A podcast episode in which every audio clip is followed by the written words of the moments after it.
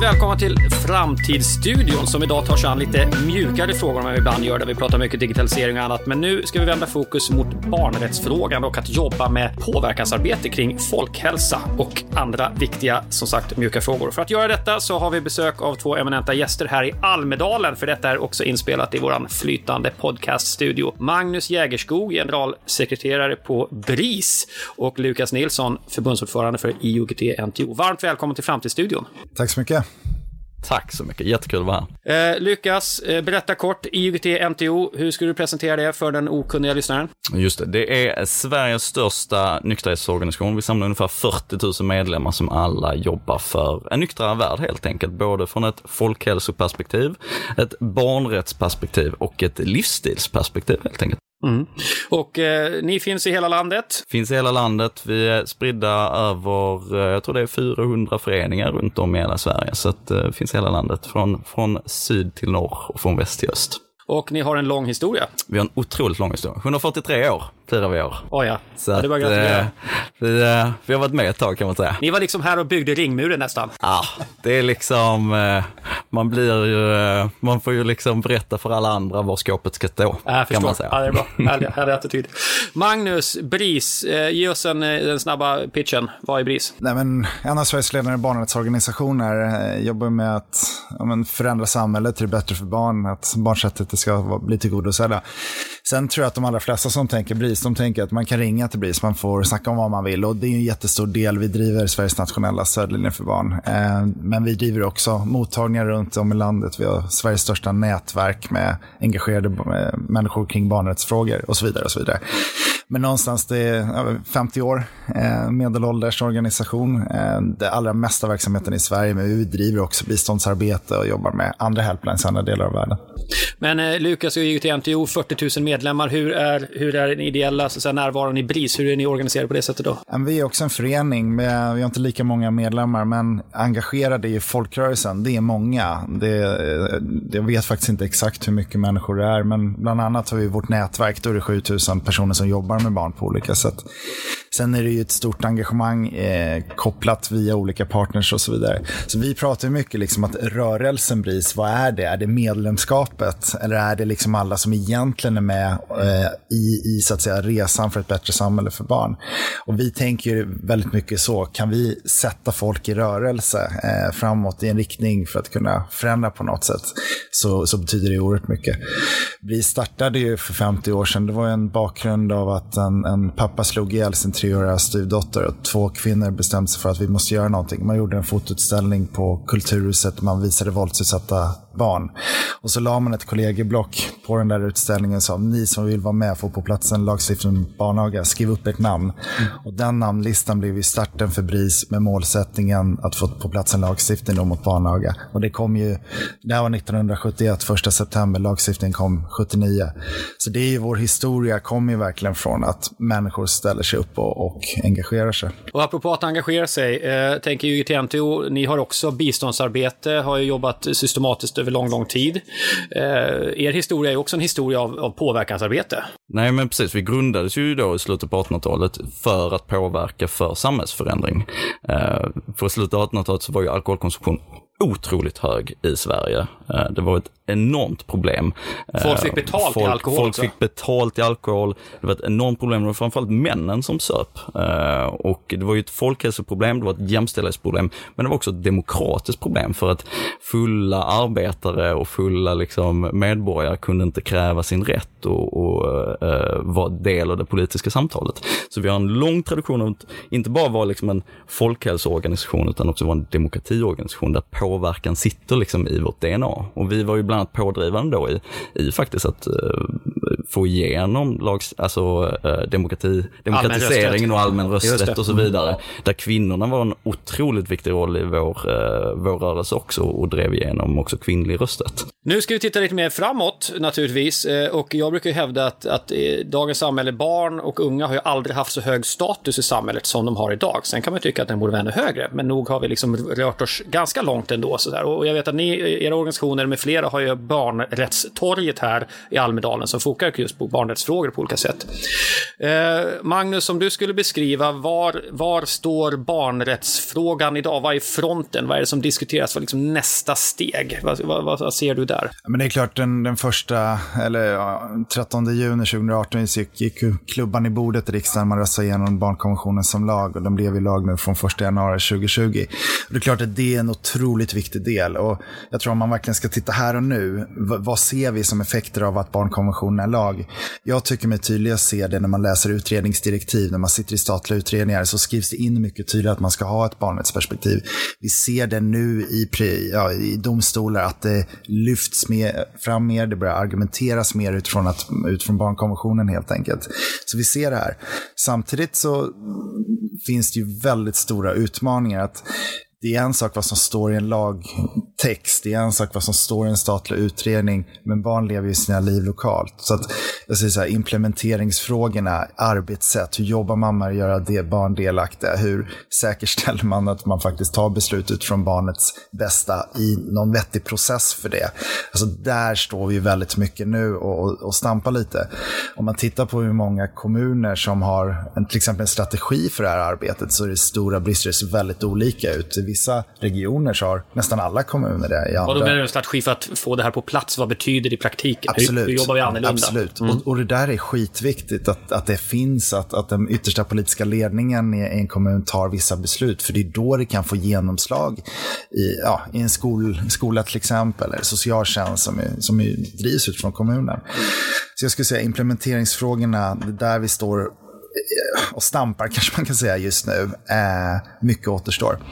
Sen måste jag också säga att jag är ganska bekymrad. Eh, när man pratar om gängkriminalitet till exempel mm. så ser vi just nu en diskurs under den här Almedalsveckan där alla politiker skriker om längre straff, hårdare tag i någon form av... Knäckgängen. Ja, men det är verkligen så. Och att lösningen ska vara på något sätt lås in dem och kasta bort nyckeln.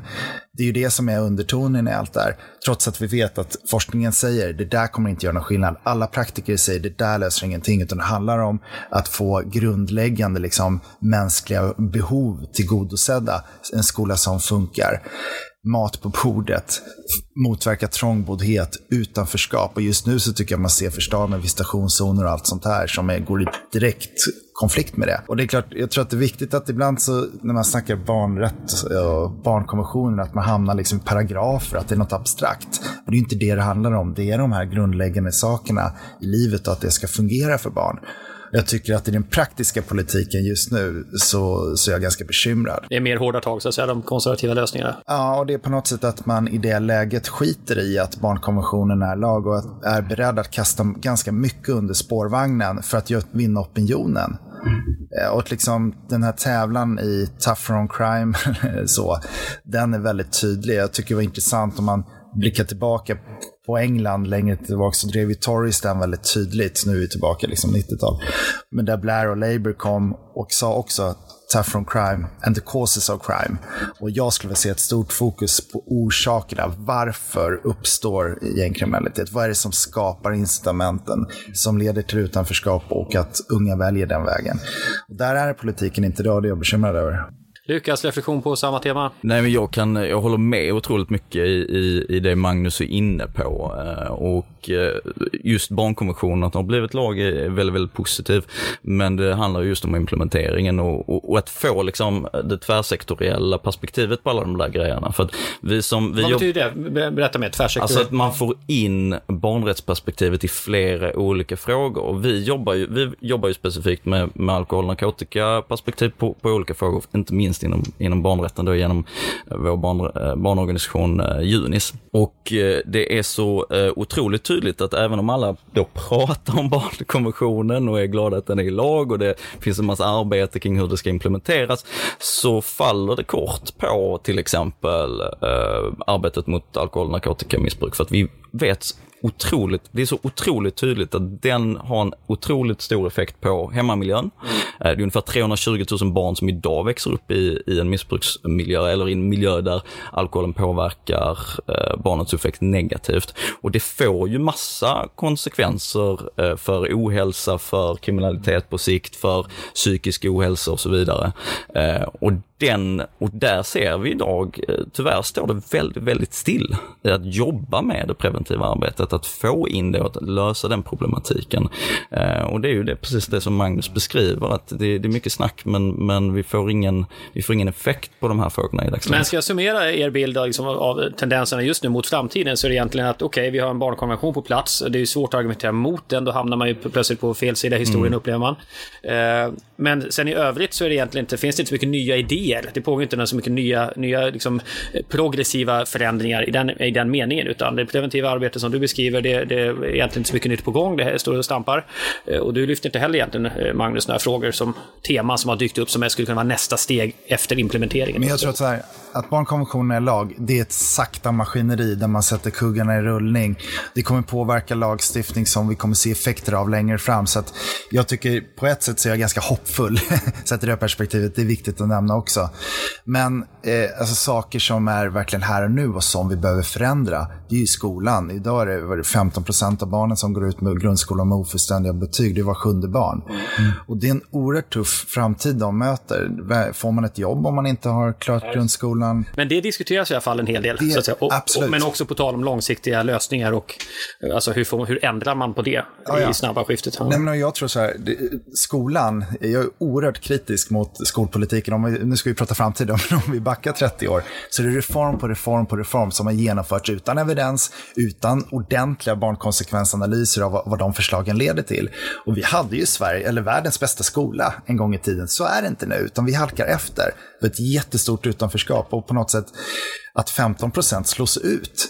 Om man jämför i hur det ser ut i Europa i övrigt kanske den siffran är 4-5 procent. Det är inte så att elever i Sverige är sämre. Det är för att vi har ett system där vi sparkar ut barn helt enkelt. Och det, det här, eh, om man ska prata framtid, det behövs reformer inom skolan. Vi behöver ha en skola som verkligen fångar upp barn, som ger goda förutsättningar till en bra start i livet, där barn ger stöd för lärande, för att kunna må bra och så vidare. Och det här är en sån viktig framtidsfråga, för det hänger ihop med så mycket. Som psykisk ohälsa, mm. det är ju vanligaste orsaken till att barnkontakten bris. Men vi vet också att, att den viktigaste så här, skyddsfaktorn det är att, att kunna få gå ut skolan med godkända betyg, att klara. Men om jag skulle utmana dig lite grann apropå utvecklingen framåt, för du, pratar, du kritiserar så att säga det här lite hårdare tag eh, och hårdare straff-idén. men om vi zoomar ut från den så tycker jag att den kan man ju, eh, den, den åt, på en högre så säga, eh, principiell nivå kan man prata om att det är högre krav på individen egentligen. Det är lite mer skärp dig-attityd i samhället. Och någon skulle kunna säga så här, varför kommer det sig att vi förlorar så många barn i, barns skolgång i Sverige? Är det också för att vi har individanpassat, lyssnat så mycket så att man också går vilse i någon med systemen har blivit så flexibla att vi kanske för vissa barn också heller inte sätter ramarna som gör att gången är ganska tydlig. Kan det finnas en sån problematik? Jag menar, eh, om man tittar på World Value Survey, liksom där man plottar ut mm. utifrån olika värderingar, så, så utmärker sig Sverige som Vi är extremister. Ja, världens mm. mest individualistiska land. Liksom så. Och Det där tycker jag är en intressant tanke att ta med sig, för om man har den bilden framför sig och sen tittar man på vad är det för typ av skolreformer vi har gjort, bara för att ta skolan som exempel. Jo, det är, det, det, det är väldigt mycket val, det är väldigt starkt fokus på prestation mm. för att komma dit man vill. Eh, man på något sätt också, det är det som barn beskriver för oss, att man förväntas prestera på alla livets områden. Skolan dels, men det är idrottsligt, hur man ser ut och så vidare. Och så jämför man det i sociala medier med varandra. Och jag tror att vi har byggt ett samhälle som mycket mer är, varje människa är på något sätt sin egen lyckas smed och hur man lyckas. Och vi har också gjort det utifrån en utgångspunkt där Sverige redan, om man tittar på World Value Survey, var, är världens mest individualistiska land. Och det är verkligen så att, ja, varför mår många unga dåligt? Det är en, en stor fråga, diskuteras mycket här i Almedalen kopplat till psykisk mm. ohälsa. Mm. Jag tror inte det är så att, att barn och unga idag har en sämre förmåga att hantera liv livet. Jag tror att samhället har förändrats i en riktning som sätter mycket högre press. Och det är, ja, skolan är en del, men det är hela samhällsbygget. Och, och jag tror att för att komma till rätta med det här så är det ju inte att vi behöver in massa mer stödinsatser för barn. Nej, men vi behöver se hur vi förändrar samhället till ett, liksom, låt barn vara barn. Jag ska släppa in dig Lukas, jag ska bara berätta, i morse på frukostseminariet om morgondagens medborgare, så en i panelen, eh, Jasmine Kveiter, hon från Fryshus, hon lyfte just det här i ett resonemang om att nej, men vi som har eh, gått i skolan på 90-talet, vi har lärt oss att bli vår egen lyckas smed. Och det här var också en av kritikerna som kom ju mot marknadsliberaliseringen av samhället, så att säga, där individen blir en atom i systemet och inte liksom sitter ihop i något större. Eh, så att kanske är det så att friheten som vi har gett folk i en mening också har följt utan att man egentligen fått verktygen att hantera den friheten, att klara av att vara den här väljande eh, homo economicus som man pratar om ibland, som gör det rationella valet. Så att säga. Det, och det, det spåret tycker jag återkommer på många ställen. Lukas, vad tänker du? Nej, men det där är jätteintressant och om jag får dra en parallell till, till uh, alkoholnormen så är det otroligt tydligt att tittar vi på undersökningar så vet vi att det är ungefär 15-20% av befolkningen som är, sta, vad ska man säga, alkoholpositiva. 15-20%? 15-20% som är alkoholpositiva, som har liksom en positiv attityd till, till alkohol och till, uh, till alkoholens inverkan och, och alla de här grejerna. Sen så finns det en, en, en stor grupp som, som är ungefär lika stor som, som är negativa och sen så är det en ganska stor grupp i mitten som är liksom ambivalent eller diffus eller bara liksom glider med i normen. Och vad vi kan se är att om man jämför folks liksom konsumtionsbeteende med deras genuina preferenser, alltså vad de uttrycker i hur de egentligen vill leva sitt liv, så korrelerar inte det där för att den valfrihet som vi ger är ju liksom en, är, måste sättas i en kontext av normer, förväntningar och hur samhället är uppbyggt. Det är ungefär en miljon människor i det här landet som dricker alkohol mot sin, e- mot sin vilja för att de liksom förväntas av då att det finns en, en kontext i livet. Och jag tror att det är den här liksom individualiserings eh, dogmen som har funnits i, i, i samhället i många decennier som vi kan se både inom skolan, vi kan se det inom arbetsmarknaden och vi kan se det inom flera olika områden som, som har satt sin effekt. Men en annan viktig del som jag skulle vilja lyfta upp också kring just den här individualiseringens effekt på, eh, på eh, barns förutsättningar är ju hur vi, och Magnus var inne på det lite tidigare, hur vi sätter så oerhört stort fokus på eh, individen, också den nuvarande generationen. Och det gör att vi eh, tappar perspektiv på åtgärder som kan bryta det sociala arvet eh, som finns inom många av de här sociala problematiken som finns som, som drabbar barn. Alltså vilka åtgärder sätter vi in som, som formar föräldragenerationen? Ja, de som blir föräldrar härnäst? Eller? Precis, som, ja, som då formar liksom barngenerationen. Exakt. Alltså, som, som Magnus var inne på, alltså hårdare straff, släng in folk i fängelse och uh, släng bort nyckeln. Vilka effekter får det på nästa generation? Ja, men den, det samtalet finns ju inte för att vi har ett, liksom ett väldigt individualiserat perspektiv på var åtgärderna ska, ska in. De ska in på liksom den enskilda... På individnivå, inte systemnivå. Individa. Mm. Man, då tittar man inte på, på liksom, vilka effekter får det på nästa generation, vilken effekt får det på liksom de, de omgärdande personerna i den miljön och så vidare. Det, just det. Ja. Men jag tror också, haka på det Lukas, att Sverige har ju också en tradition av att försöka hålla ihop samman, eh, samhället, för att vara ett sammanhållet samhälle. Medan vi just nu ser också en utveckling med ökande klyftor, eh, tilltagande segregation. Eh, ett mycket mer uppdelat samhälle på så många olika sätt. Och det är klart att det, det finns oerhörda vinster i att individen kan göra egna val, att det finns en frihet och att, eh, på det sättet. Och det måste jag säga, det, det tycker jag det är oerhört bra. Men man måste också liksom titta på vad får allt det här också för effekter? Vad gör det med den individen som kanske inte har stödet hemifrån, som också har en förmåga att kunna slå sig fram, eh, inte blir uppbackad, inte har de förutsättningar, men det leder till en utslagning. Och Det här är sånt som jag tror vi måste prata mycket mer om för att också kunna vända de, den ojämlika mm. livssituation som vi har just nu och som förstärks. Eh, om jag byter spår lite grann, men ändå bygger på det resonemanget om var vi sätter in insatser någonstans. Och så tittar vi med ett perspektiv på hela barnrättsfrågan och de, och de organisationer som jobbar med de här mjuka värdena. Och apropå vilka medlemmar man har till exempel, och var de kommer ifrån.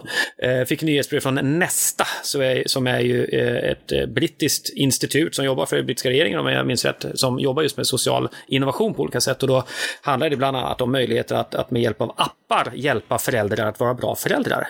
Och då tänker jag så här, vad ser ni i, i arbetet med, med barn och ungas utveckling och, och, stöd till dem och digitalisering. Hur bra är den här typen av organisationer att använda sig av teknik, skulle ni säga? Vad, vad, vad, vad har vi för utveckling framför oss där? Nej, men det, den tekniska utvecklingen är otroligt, otroligt viktig. Alltså, BRIS stödverksamhet, det är en plattform med oerhört mycket digitala delar. Eh, man tänker att man ringer till BRIS och det gör ju många barn, men framförallt så är det olika digitala plattformar som man ger stöd till barn via. Eh, och det ger oerhört mycket möjligheter. Eh, den tekniska eh, möjligheten gör att barn kan få stöd på, på det sättet de vill. Och för oss som helpline och som den officiella helplinen för barn i Sverige så är det helt nödvändigt att följa den tekniska utvecklingen. Så det, det, finns väldigt, väldigt mycket möjligheter i det här. Det tycker jag är positivt. Sen kan jag väl tänka, det du, du var inne på först, just det här att appar för att hjälpa föräldrar och så vidare. Och det är jätteviktigt att föräldrar ger stöd och föräldraskapsstöd. Vi, vi bedriver massa sådana olika program. Eh, men samtidigt så, så bygger det där perspektivet lite också på att det ska finnas de där föräldrarna som kan ge det stödet till barn. Jag tror att man missar ofta när man pratar om att så här, vi måste lägga större ansvar på föräldrar, föräldrar måste göra mer. Ja, men där det inte funkar då? De barnen som befinner sig i de utsatta situationerna. Det finns ingen som kan ta ansvaret, så att säga. ingen som tar emot ansvaret. Nej, nej, och det, ta under pandemin Eh, så, så, om man tittar på barn, vi har ju följt den här frågan, skrivit många rapporter om det. Eh, Coronakommissionen refererar mycket till BRIS rapporter kring hur barns livssituation har förändrats under, under, under pandemin. Och för de stora lagren av barn ja, men har det varit en knepig period, tuff period, men samtidigt har man klarat sig ganska bra. Det har varit trist, men det har funkat helt ja. okej. Okay. Men för barn i utsatta situationer med våld i hemmet, med familjekonflikter, har det här varit oerhört påfrestande. Det var ett mm. barn berättade för oss, det var precis liksom i mars 2020, i början av pandemin, han berättade så här att pappa brukar slå mamma, men nu när vi är hemma hela tiden så slår pappa hela tiden. Och det där är sådana perspektiv som är viktiga att ta med. Att, att man också ser att alla familjer funkar inte. Det är därför föräldrastödet finns inte alltid. Men kommer vi se den här då skärpta attityden som vi pratar om i kriminella, liksom, kommer den också tror jag, tror, framöver, kommer den rinna över till mer, alltså, nej men vi, vi omhändertar fler barn, eller vi, vi på andra sätt liksom eh, stigmatiserar det dåliga föräldraskapet mer, skärp er. Alltså, kommer, kommer vi se en sånt tendens? Ja, men jag tycker redan att vi ser politiker som säger så här, men föräldrar måste göra mer, föräldrar måste ta ansvar, så här, det är väldigt lätt att säga, men mm. i praktiken praktiken, hur ska det gå till? Mm. Jag, jag, jag, förstår inte riktigt det. Jag skulle vilja se kraftfulla föräldrastödsinsatser och då handlar det om att riktigt tidiga insatser, det är ju redan vid BVC. Första tusen dagarna brukar man prata om det. Mm, ja, och då handlar det om att så finnas där kontinuerligt med kraftfulla insatser. Men, det, men, finns det en mottagare ens då? Alltså apropå lärare som bjuder in till föräldramöten och så kommer ju bara de ambitiösa eh, föräldrarna, eller ambitiösa, och de som välmående kanske, som orkar och vill. De som har mest nytta av att ha en relation med läraren kanske inte dyker upp. Nej men eh, så, så är det ju. Att, det att man, man, man, träffar ju oftast fel. Samtidigt så vet vi att det som är bra med de generella insatserna som riktar sig till alla föräldrar, det är att det fångar både mer välbärgade, mer välutbildade, men det fångar också eh, föräldragrupper med, där det finns större behov av stöd. Så att jag tror mycket på de generella. Men det här med tidiga insatser, då, då, då pratar vi ju innan skolan. Eh, förskolan viktig, men också verkligen liksom BVC, MVC, där man kan se eh, om det är på väg åt ett, ett håll som inte är bra eller liknande. Men det finns potential för mer teknikanvändning vad jag förstår, men, men jag tänker, min förutfattade mening är att människor som brinner för de här frågorna inte nödvändigtvis brinner för teknik alla gånger. Det, det, det, tror jag att du har helt rätt i. Alltså jag tror kanske att, att eh, i BRIS fall så tror jag att det är ett litet undantag, just ja. för att he, vår den digitala plattformen som vi ger barnstöd via, den, den är väldigt stor, den är väldigt omfattande. Den är helt vi, nödvändig för er, tänker jag. Det är också ja. det, man tar inte fram teknik först det verkligen blir, vi löser inte det här utan att, att, att börja tänka nytt så att säga. Nej, men så är det. Men jag tror att du har helt rätt i analysen. Sen så tror jag att man också ska se teknik är skitbra, men det är inte heller hela lösningen och det är väl alltid viktigt att ha med sig. Vi delade data i morse. 9, 9 av respondenterna sa att de kunde tänka sig att få eh, psykologsamtal med hjälp av en AI. 9% som var öppna för det, resten tyckte inte det var så börja. Lukas, dina reflektioner kring tekniken och det? Nej, men jag, jag tänker, vad,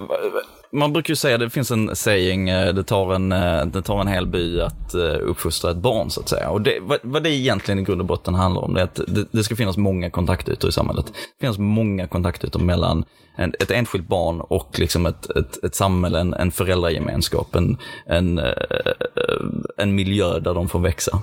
Och, och eh, det är ju det som behövs i de här miljöerna, där liksom, det som Magnus var inne på, där det inte finns föräldrar som möter upp, det är att det finns andra, andra i, vuxna. Det vuxna sam mm. i det vuxna samhället som kan möta upp. Och vad den digitala, eh, vad den digitala miljön erbjuder är ju i grund och botten kontaktytor. Eh, och jag vet inte om jag tror så mycket på att man lanserar någon häftig app eh, som föräldrar ska använda för att lära sig ja, bli bättre föräldrar. Utan jag tror det snarare handlar om att när vi ser den generation som nu liksom växt upp i digitaliseringens högvarv komma in och bli föräldrar så kommer liksom den digitala mognaden i den föräldragenerationen också vara mycket, mycket högre. Vilket innebär att den föräldragenerationen kommer också kunna skapa kontaktytor mot framtidens barngenerationer på ett helt annat sätt än vad den nya, nuvarande föräldragenerationen kan. Så jag tror snarare att det handlar om att i takt med att föräldrarna också får en digital mognad så kommer det bli ett annat utbyte i den digitala sektorn. Och jag tror att det kommer stärka barnens trygghet faktiskt. Tror ni att framtidens föräldrar, givet eh, diskussionerna som pågår nu, kommer de låta sina barn titta lika mycket på skärmar som eh, min generation föräldrar har gjort? Kommer vi se en, ett trendbrott där, när the digital natives själva blir, blir vuxna och som också själva skattar, skattar sin skärmanvändning negativ i en viss del också, som själva dåliga erfarenheter. Kommer vi se ett trendbrott där, eller vad tror du? Jag tror att, eh, jag tror, nej jag tror inte vi kommer att se ett trendbrott. Jag tror att det kommer snarare bli mer och mer skärmar. Men jag tror att interaktionen mellan föräldrar och barn och mellan generationer kommer liksom öka i den arenan. Ja, via skärmarna? Alltså. Via skärmarna. Okay. Så att liksom det här kanske är en väg, titta in i en skärm och spela Candy Crush liksom och bli förstörd. Det kommer att minska och istället kommer den sociala interaktionen äh, öka. Hoppas jag. En jag tror det hade varit en, det hade varit en, eh, jag, jag väljer att vara optimistisk. Jag ja, tror det, det hade varit en väldigt fin utveckling faktiskt. Ja. Men jag tänker hittills, nu börjar vi se mer forskning liksom komma kring de här frågorna, effekterna och så vidare. Mm. Och på något sätt så tror jag att ibland kanske man lite snävt liksom skyller på den där skärmen som det onda. Eh, jag tror kanske att risken är ju så att säga om skärmen undantränger andra saker som fysisk aktivitet som är otroligt viktigt för välmående eh, och så vidare. Jag tror att där behöver man ju fundera liksom vad det gör. Men det är klart, det är ett stort socialt experiment eh, som vi inte riktigt Verkligen. vet svaren på än. Nej. Um, det kan bli en hård dom eller så kanske det visar sig vara helt okej. Vi får se. Ja, men lite så tror jag. Uh, men, men det är klart, om man tittar på psykisk ohälsa så den har ju ökat liksom bland unga egentligen ända från liksom, 90-talet och fram tills nu. Och Det där tycker jag är en bra sak att stanna upp i ibland, för det är många som direkt skyller på att barn mår dåligt på grund av sociala medier. Och Det är svårt att få ihop de tidslinjerna. Om man tittar från 1985, ja, men när kom internet? 94 brukar vi säga, Facebook kom till Sverige, det var 2007. 2013 hade 25 procent av populationen i Sverige uppkoppling till internet via sin mobil. Alltså, det är väldigt svårt att hävda att den utvecklingen kopplat till psykisk ohälsa dessförinnan skulle ha någonting med digitala medier att göra. Men jag tror att det är viktigt att och tittar på de senaste åren, kanske bara senaste fem åren, då användandet har förändrats otroligt mycket kopplat till de sociala medieplattformarna i huvudsak. det är också det som jag tycker är en skillnad, att det är en sak att snacka om nätet eller snacka om liksom en digitala sammanhanget. Vad är det vi, vi pratar då om egentligen? Det är ju väldigt många olika saker. Mm. Men det användandet vi ser nu av kanske vissa sociala medieplattformar som är byggda ut från algoritmer som egentligen skapar beroende. Mm. Det eh, tror jag vi behöver en helt annan debatt om och också kanske reglering kring. Eh, för, det, för det är så som utvecklingen ser ut kring just dem specifikt. Det tror jag är rakt upp och ner osunt. En som har lite tips och idéer på det här är en av mina favoritforskare, Jonathan Haidt, som är eh, amerikansk sociolog om jag minns rätt. Och eh, det är bara att googla Jonathan Haidt, H-A-I-D-T. Och han resonerar just om, om ohälsoutvecklingen som han menar blir hockeyklubbformad, den kurvan från 2012 och framåt.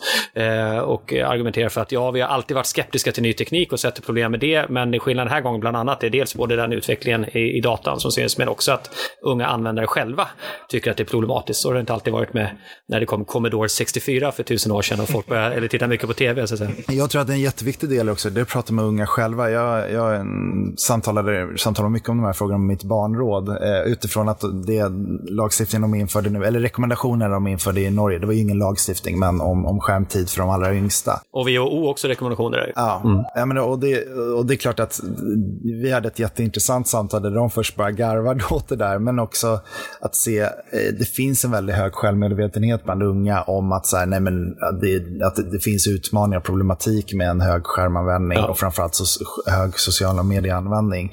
Och jag tror att det är där någonstans måste börja. Man måste samtala med unga själva om de här frågorna. Ja, det var därför jag ställde frågan om de som föräldrar kommer ha en annan syn på det här. Alltså det är kul själv att ha fri tillgång, men vi får se vad de gör. Mm. Jag tänkte vi ska byta spår sista svängen här. Vi har alltså eh, Lukas Nilsson, förbundsordförande för IOGT-NTO, Sveriges största och kanske äldsta nu levande nykterhetsorganisation kan man säga också, med stor, eh, en riktig folkrörelse kan man säga från grunden. Och sen har vi Magnus Jägerskog, generalsekreterare på BRIS, som är här och diskuterar barnrätt. Men också vill jag höra era tankar om vad, vad ser ni för trender mot framtiden när det gäller att vara en idéburen påverkansorganisation? Vad är att försöka påverka samhällssamtalet idag? Vad är annorlunda för bara några år sedan och vad, vad ser ni framåt? Eh, hur olika aktörer agerar och, och, och, fungerar och målgrupper och tillit och sådana saker. Många, många olika frågor. Jag släpper lös lite fritt här. Lukas, dina spontana tankar? Ja, men tack. Nej, men, det, den absolut tydligaste trenden, och den har varit ganska länge nu, men det finns inga tecken på att den bromsar in, utan den accelererar snarare. Det är ju en eh, differentiering av påverkanssektorn kan man väl säga. Okay. Tidigare så har ju eh, civilsamhället, ideella aktörer, idéburna organisationer på olika sätt varit um, man har haft monopol på påverkansplattformen på något sätt. Det, det, det har varit eh, föreningslivet och folkrörelserna som varit eh, politikens eh, bollplank och det är där idéutväxlingen varit och det där påverkansarbetet har skett. Och vad vi sett är att dels att näringslivet har, har gjort, gjort en tre och det är väldigt tydligt här i Almedalen som har blivit väldigt kommersialiserat, blivit väldigt dyrt. Det är väldigt eh, liksom små idéburna organisationer trängs ut eh, medan liksom de stora eh, rika näringslivsaktörerna tar plats. Eh, men också att det skett en liksom avplattformifiering i brist på bättre ord. Att tidigare har det varit de stora röstbärande organisationer som samlar medlemmar som får legitimitet genom sin, eh, sitt medlemskap och sin volym i det. Eh, till att det snarare handlar om vem, vem som individ kan positionera sig i ett landskap och bygga legitimitet utifrån sin persona. Alltså influencerkulturen och, eh, och, och allt det som har kommit med det. Så att, vi ser ju, vi ser ju en breddning av påverkansarbetet. Från liksom den här monopol till att det är en rad olika aktörer. Och att människor också, den enskilda medborgaren, identifierar sig.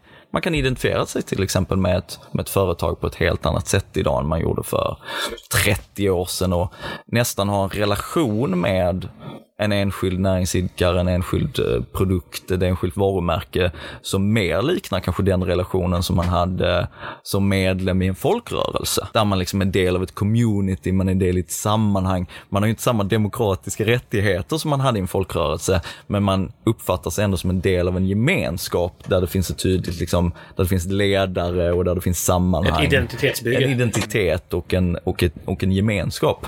Och eh, det tror jag kommer att bli en ännu starkare starkare påverkansfaktor eh, liksom, framöver. Mm. Intressant. Mm. Magnus, vad säger du? Vad säger du? Men jag tänker någonstans, man brukar prata om kvartalskapitalism utifrån när kvartalsrapporterna ska komma. Jag tycker att vi fått till viss del, eller till ganska stor utsträckning också en kvartalspolitik. Där förslagen haglar om allt möjligt och det, det är snabbt, det är högt tempo. Och Jag tycker också det finns en återspegling i det kopplat till mediers rapportering. Eh, på något sätt, det där gårdagens nyheter, gamla nyheter, det är ju en gammal sak och så sa man ju för 15 år sedan också. Men det är verkligen så idag på ett helt annat sätt. Det är vad som är idag som räknas, gårdagen är glömd på något sätt, det där är en intressant spaning tycker jag utifrån vad gör det när man ska bedriva opinionsbildning? Jag tycker att det är tydligt nu när man ser från civilsamhällets sida eh, högre tempo. Man släpper saker snabbt, ibland kanske ogenomtänkt, men det är ett högt tempo. Det är någon slags tävling eh, om media attention att nå ut helt enkelt. Eh, och det där är saker man kan reflektera kring kopplat till folkrörelse eh, som ofta har en lite långsammare mekanism där man bygger fram idéer, idéer idéutveckling tillsammans. Eh, vad gör det så att säga med den politiska kontexten som är mer snabbrörlig, den mediala som är mycket mer snabbrörlig, när, eh, ja, i en klassisk folkrörelse? Jag tror, och det är det jag också tycker mig se, att, och det är det som jag tycker Lukas också är inne på, att många ideella organisationer, de riggar sig också för att kunna vara mer snabbrörliga. Det är en ökad professionalisering med lite tyngre kanslier. Mm. Och det där kan man alltså ju... medlemmarna kanske både blir färre och mindre betydelsefulla för den strategiska utvecklingen. Ja, och Eh, om inte annat i alla fall kommer kanske lite längre bort från eh, en stor del av den. Och det här börjar man ju fundera på, liksom, är det här bra? Är det här problematiskt? Hur ska vi se på det? Och jag tror att på något sätt så behöver man se verkligheten som den är. Det är ett högre tempo. Vill man nå ut, vill man kunna påverka så behöver man på något sätt också förhålla sig till den och agera eh, snabbare. Eh, inte ogenomtänkt för den sakens skull, men man behöver på något sätt göra det. Och jag tror att kan man hitta en kombination med av både liksom att bygga effektiva organisationer där man snabbt kan mobilisera kring frågor, eh, men i, i, kombination med att den också är väldigt platt. Att steget för den enskilda medlemmen att kunna hugga tag i en högsta tjänsteperson, eh, som, som mig i, i det fallet som generalsekreterare, så liksom minskar man risken för att det blir liksom ett liv i medlemsorganisationen och en annan bland de som driver mycket av, av organisationens verksamhet. Det där tror jag, det, jag tror inte det finns något svartvitt enkelt svar på den här frågan, utan jag tror att det handlar mycket om, om hur man gör saker, att man inte sätter sig på höga stolar, att man är beredd att, att äh, möta medlemmar hela tiden, samtala, att ha en levande diskussion, vara beredd att både göra men också ompröva. Så vi, vi pratar jättemycket internt på BRIS eh, om att liksom våga testa. Och blir det fel, men då får man ju pröva att göra om det liksom, helt enkelt. Men det här är, det är en annan kontext nu som, som utmanar de långa processerna, så är det. Mm. Ja, Lukas, du hade en Nej, tanke. Men, eh, den här snabbheten den förväntas ju också av faktiskt av medborgaren och medlemmen i, till syvende och sist tycker jag. Att de mest relevanta organisationerna, de som lockar engagemang, det är också de som lyckas hålla det här tempot. Det är också de som lyckas liksom vara aktuella och i hetluften. Eh, och från IG Tentos sida så eh, vi har ju liksom en stolt eh, folkrörelsetradition med ganska hierarkiska strukturer som är ganska fastsatta. Men vad vi pratat om på sistone är att vi mer behöver börja se oss själva som en arena och en plattform snarare än som en, en organisation där enskilda medlemmar då får ett utrymme och får ett sammanhang att agera som eh, röstbärare, att agera för liksom, påverkan och förbättring i sin miljö. Eh, och att det inte handlar om liksom, den här hierarkiska eh, organisationen med ganska tungrodda strukturer som går långsamt och långsiktigt utan mm, snarare mm, blir plattformar. Liksom. Jag frågar på det, men Magnus först. Du. Men jag tänker också en sak, något som är jätteviktigt också i det snabbrörliga, det är att man står stadigt i sina grundläggande värderingar. Ja, eh, mm. Och för BRIS handlar det om att man ska kunna lita på att vi alltid står upp för barn. Vi kommer alltid stå, lyssna och ta deras röster på allvar. Vi kommer driva eh, utifrån barnkonventionen, barns rättigheter, att de ska tillgodoses. Och det, att man har de här principerna oerhört, oerhört klara för sig. För det, det är ju det någonstans som också blir en, liksom en kompassriktning för att man inte ska hamna snett eller fel i, i, i det snabba. Eh. Och det där tänket, det, det återkommer ju i, när, vi, när vi möter organisationer och diskuterar att, att bli mer agil. Eh, hela det, liksom, den uppsättningen principer som bygger det agila arbetssätten. Och det är just behovet av att ha en klar långsiktig målbild som gör att sen kan aktörer inom organisationen finna sina vägar. Man kan liksom ha en viss frihet inom de här ramarna. Men ramarna måste vara ganska tydliga ändå så att inte folk använder sin frihet till att dra iväg och på något håll som inte vill lägga resurser på eller som kanske i någon mening inte var effektivt. Sen kan man ju som säger satsa och misslyckas ibland. Men det är någonting annat. Men ändå att ha den här bilden. Men det jag tycker är intressant med det här som dök upp när vi internt diskuterade morgondagens medborgare, den här studien vi hade frukostseminarium om idag. Eh, det är ju om vi, om vi förhåller oss till våra medlemmar eller våra medborgare som att nej, men du ska få driva lite de frågor du tycker är viktiga. Vad händer då med eh, liksom, eh, dels den demokratiska strukturen som bygger på på något sätt på volym också. Alltså om vi, när, när nykterhetsrörelsen och IGT-NTO var som störst, då var det ju otroligt många invånare som hade relationer och var med på något sätt. Arbetarrörelsen samma sak, så att säga. Och med det följde ju också att organisationen hade ju, och det, det är min definition av folkrörelse, jag tycker många slänger sig med folkrörelse på fel sätt. Folkrörelse har inte jättemycket med antal att göra, det har också med antal att göra, men framförallt tycker jag det har att göra med en organisation som gör ett systemskifte. Alltså det är inte bara så här att vara frimärkssamlare, det, det, även om det är en miljon frimärkssamlare så är det inte det en folkrörelse för mig, för de är inte på väg någonstans riktigt på det sättet. Inget ont om det intresset, men ni fattar.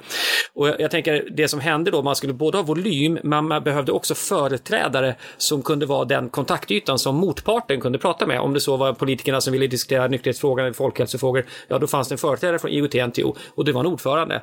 Och det där är man ju lite obekvämare med idag, alltså hierarkier som jag är inne på. Så men, men hur funkar det demokratiska systemet som vi har? Det bygger ändå på att det finns en body av medlemmar som tycker någonting och när de blir många, då får det betydelse i förhandlingar och så vidare. Medan nu vill gärna medlemmar och invånare kanske högre grad göra sin, ja, det, det, är en singulär liksom, eh, resa jag håller på med för mig själv lite mer. Alltså ser ni problemet? Va, va, va, ja, reflektioner på det, Lukas? Nej, men det, det där är jätteintressant och jag tror att det är exakt den tendensen vi ser. Och jag tror att det är så som många organisationer, ideella medlemsbaserade organisationer idag hanterar det. det är, man behöver behöver ändå, man jagar liksom den här interna stringensen för att ändå kunna foka sina resurser, att inte kunna liksom, inte bre ut på tusen olika frågor och, och, och tappa sin bärkraft i det där. Och då blir det att man, eh, man går till ändamålet, man går till syftet och man liksom fokar ner och trattar ner sitt ändamål. Så att, eh, vilket gör att jag tror att civilsamhället idag också faktiskt bidrar till eh, det som vi pratade innan om, om eh, barnrättskonventionen, att nu har vi en barnrättskonvention men sen ska den implementeras och då ska den implementeras tvärsektoriellt i en rad olika områden, allting från liksom alkohol och narkotikafrågor till utbildningsfrågor till allt däremellan. Och efterhand som eh, organisationer ändå behöver bärkraft i det här landskapet att säga, okej, okay, vi kan inte attrahera tusen olika människor med tusen olika röster. Vi måste attrahera tusen olika människor som i alla fall tycker om att fokusera på den frågan ja. som vi vill driva. Och sen får de driva det på det sättet som de vill. Eh, då behöver man tratta ner ändamålet lite grann. Just det. Och då blir, då snuttifierar man också eh, och förenklar och blir liksom mer enfråge Ja, å ena sidan, men jag tror, jag tror det är svårt att hitta en framgångsrik traditionell folkrörelse som inte från början var smalare än vad de har blivit. Precis. Alltså, man började ju ofta tror jag, med en akut fråga, som, alltså många tyckte var akut.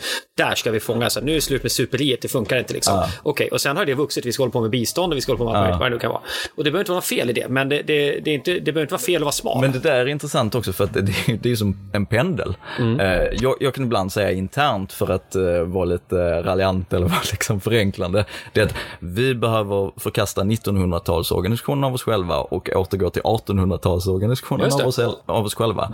Alltså att gå tillbaka till kärnområdet, gå tillbaka till kärnfrågan ja. uh, som var 1800-talet och sen så, uh, så byggdes ju liksom 1900-talsorganisationen på som, som, som breddade organisationen på väldigt ja. många olika sätt. Och jag tror att vi liksom, pendeln svänger och jag, jag tror att vi är på många sätt så, så Eh, så, så ser jag liknande tendenser i andra ideella organisationer, att man, man återgår till, till liksom den brännheta frågan. Och innan vi släpper in Magnus, jag tänker bara, alltså IOT-NTO lider av det, tycker jag i alla fall, som, som många eh, äldre organisationer stora, och det är att man har ju varit väldigt framgångsrik. Mm. Alltså vad Absolut. gör man när man har varit väldigt framgångsrik? Och samhället egentligen, man har gjort den där folkrörelseknuffen och systemskiftet, mm. Systembolaget till exempel, eller vad det kan vara för, för lösningar som nu etablerar, som egentligen inte är någon stor bred debatt om. Så att säga. Sen kan man ha ännu högre ambitioner om man vill, så men, men egentligen har man kommit väldigt långt och där blir det identitetskris också. Nu då? Och varför ja. kommer inte folk loss? Nej, men det är inte lika relevant. Nej, alltså, jag tror att Liberalerna brottas med det till exempel i politiken, för nästan Absolut. alla partier är, har blivit antagit liberala idéer om ja. individens frihet och så vidare. Och, det, och i det lilla mikrokosmos som vi är nu, en av de mest framgångsrika kampanjer som vi har haft de senaste åren är ju Almedalsdrinken. Ja, som egentligen grundar sig på att, okej, okay, det är mycket mingel under Almedalen. Ja. Nästan alla av de mingel är liksom över ett glas vin, eh, någon form av alkoholhaltig dryck. Eh, så kan vi inte ha det. Så då lanserade vi för tio år Almedalsdrinken som att så här, hallå, ni kan ha en alkoholfri drink som vi kan servera. Det blev otroligt otroligt framgångsrik. Eh, och eh, nu, jag har inte varit på ett enda mingel under, eh, under den här veckan som inte haft ett väldigt bra alkoholfri liksom, utbud. Så där har vi lyckats. Men, ja, men vi är ändå väldigt stolta över Almedalsdrinken så vi fortsätter ju bedriva liksom, den verksamheten. Så att, det är ju också ett, ett, exempel på att vi har liksom blivit, lite väl framgångsrika. Ja, så, går, man, går man in på Rättviseförmedlingens hemsida, vilket jag gjorde för nu kanske ett, över ett år sedan, då är det så här, ja vi har slutat. Vi mm. lyckades, vi har lagt ner. För mm. folk har fattat vår poäng, det vill säga att ni ska hitta talare och representanter från olika grupper, olika kön och vad det kan vara för någonting. Så att säga, större mångfald eh, när vi vill prata med experter på olika sätt, som var en av idéerna. Så att säga. Och så la man ner. Det tycker jag är rätt inspirerande på ett sätt. Nu kan vi lägga resurserna på någonting annat, tankarna. Magnus, eh, har du någonting eh, avslutande reflektion på det här temat innan vi stänger? Nej, men jag tror att eh, folkrörelser måste utvecklas och följa med tiden och det kan betyda olika saker i olika situationer. Eh, jag tror verkligen att stå stadigt i, i de grundläggande värderingarna. Varför komma någonstans till från början. Men sen kommer frågorna förändras över tid. Arbetssätten kommer förändras över tid. Jag tycker det är intressant att om man tänker sig spana framåt. Om vi då bara skulle backa tre år. Vem kunde tänka en pandemi? Vem kunde tänka ett krig i Europa som pågått på det här sättet? Vad vet vi egentligen om, om framtiden?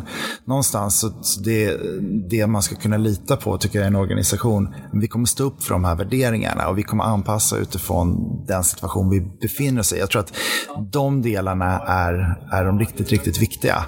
Um, sen arbetssätten, jag tror att det kommer, nu är vi i en pendel och det har varit en stark professionalisering. Om man bara tittar på BRIS som organisation, om vi backar 15 år, då bemannades alla våra stödfunktioner av volontärer. Sen professionaliserade vi den delen av verksamheten. Det tycker jag är jättebra. Barn som kontaktar oss kring självmordstankar. Det är bra att de har en professionell person i andra sidan änden som kan samtala med det. Men däremot har ju vi gått i en rörelse nu där vi får fler och fler volontärer som kommer till oss, fast som är engagerade i andra delar av verksamheten.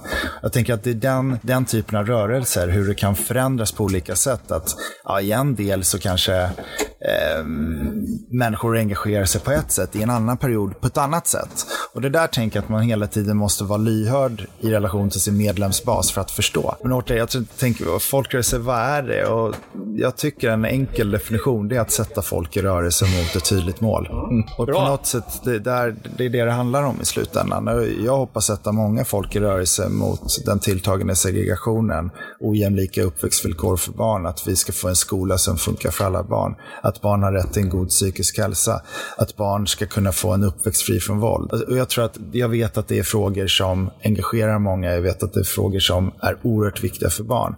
Och på något sätt, de frågorna är idag, jag tror att våldsfrågan var varför BRIS startade 50 år sedan, den är lika relevant idag. Det är den tredje vanligaste kontaktorsaken fortfarande. Så att även om tiderna förändras så är det inte så att alla saker kring barns livssituation förändras, utan saker återkommer. Och det är också en sån här intressant grej. En, eh, BRIS första generalsekreterare, Bodil Långström, vi, i samband med att vi fyllde 50 år så, så sa hon en sak som jag tyckte var tänkvärd och, och som hon tyckte kännetecknade BRIS. Det var att BRIS står kvar, att vi är tålmodiga. Saker som vi såg att vi kanske jobbade med för, för 30 år sedan. Vi jobbar fortfarande med de frågorna. Absolut, saker har eh, förändrats, vi har tagit många steg framåt, men vi står kvar. Och det där är också sådana, det, det, handlar om värderingar, om perspektiv tänker jag. Men det, och det tycker jag är bra eh, avslutning här också, att eh, apropå det höga tempot, behovet av att synliggöra sig själv hela tiden, det är dagens fråga som gäller, gårdagen har vi glömt så att säga. Eh, och även diskussioner om att, att kunna gå ihop i kollektiv och, och, kanske vara tvungen att köpa lite mer av ett paket än vad man kanske egentligen skulle välja, just för att vara nog många, men orka hålla ut nog länge också, för det är ju det de här framgångsrika organisationerna har gjort, alla, inte minst IOT-rörelsen till exempel, men andra som har insett att ska vi förändra samhället på riktigt, då kan man inte twittra lite då och då, utan det är någonting, det är ett nötarbete som verkligen finns där. Tack också Magnus för, påminnelsen om att eh, eh, världen har visat sig snabbare förändring än vad vi, vad vi tror och det är precis det som, det som vi jobbar med på Carries Future. Hur har vi så mycket koll vi kan om framtiden så att våra strategier faktiskt är relevanta om fem och tio år och även fundera på de här svarta svanarna som dyker upp, de helt oväntade grejerna. Tack så jättemycket Lukas Nilsson, förbundsordförande på IOT-NTO och Magnus Jägerskog, generalsekreterare på BRIS för att ni var med i Framtidsstudion. Vi eh, checkar ut för den här gången och eh, återkommer. Ha det bra där ute. Tack så mycket för nu. Hej!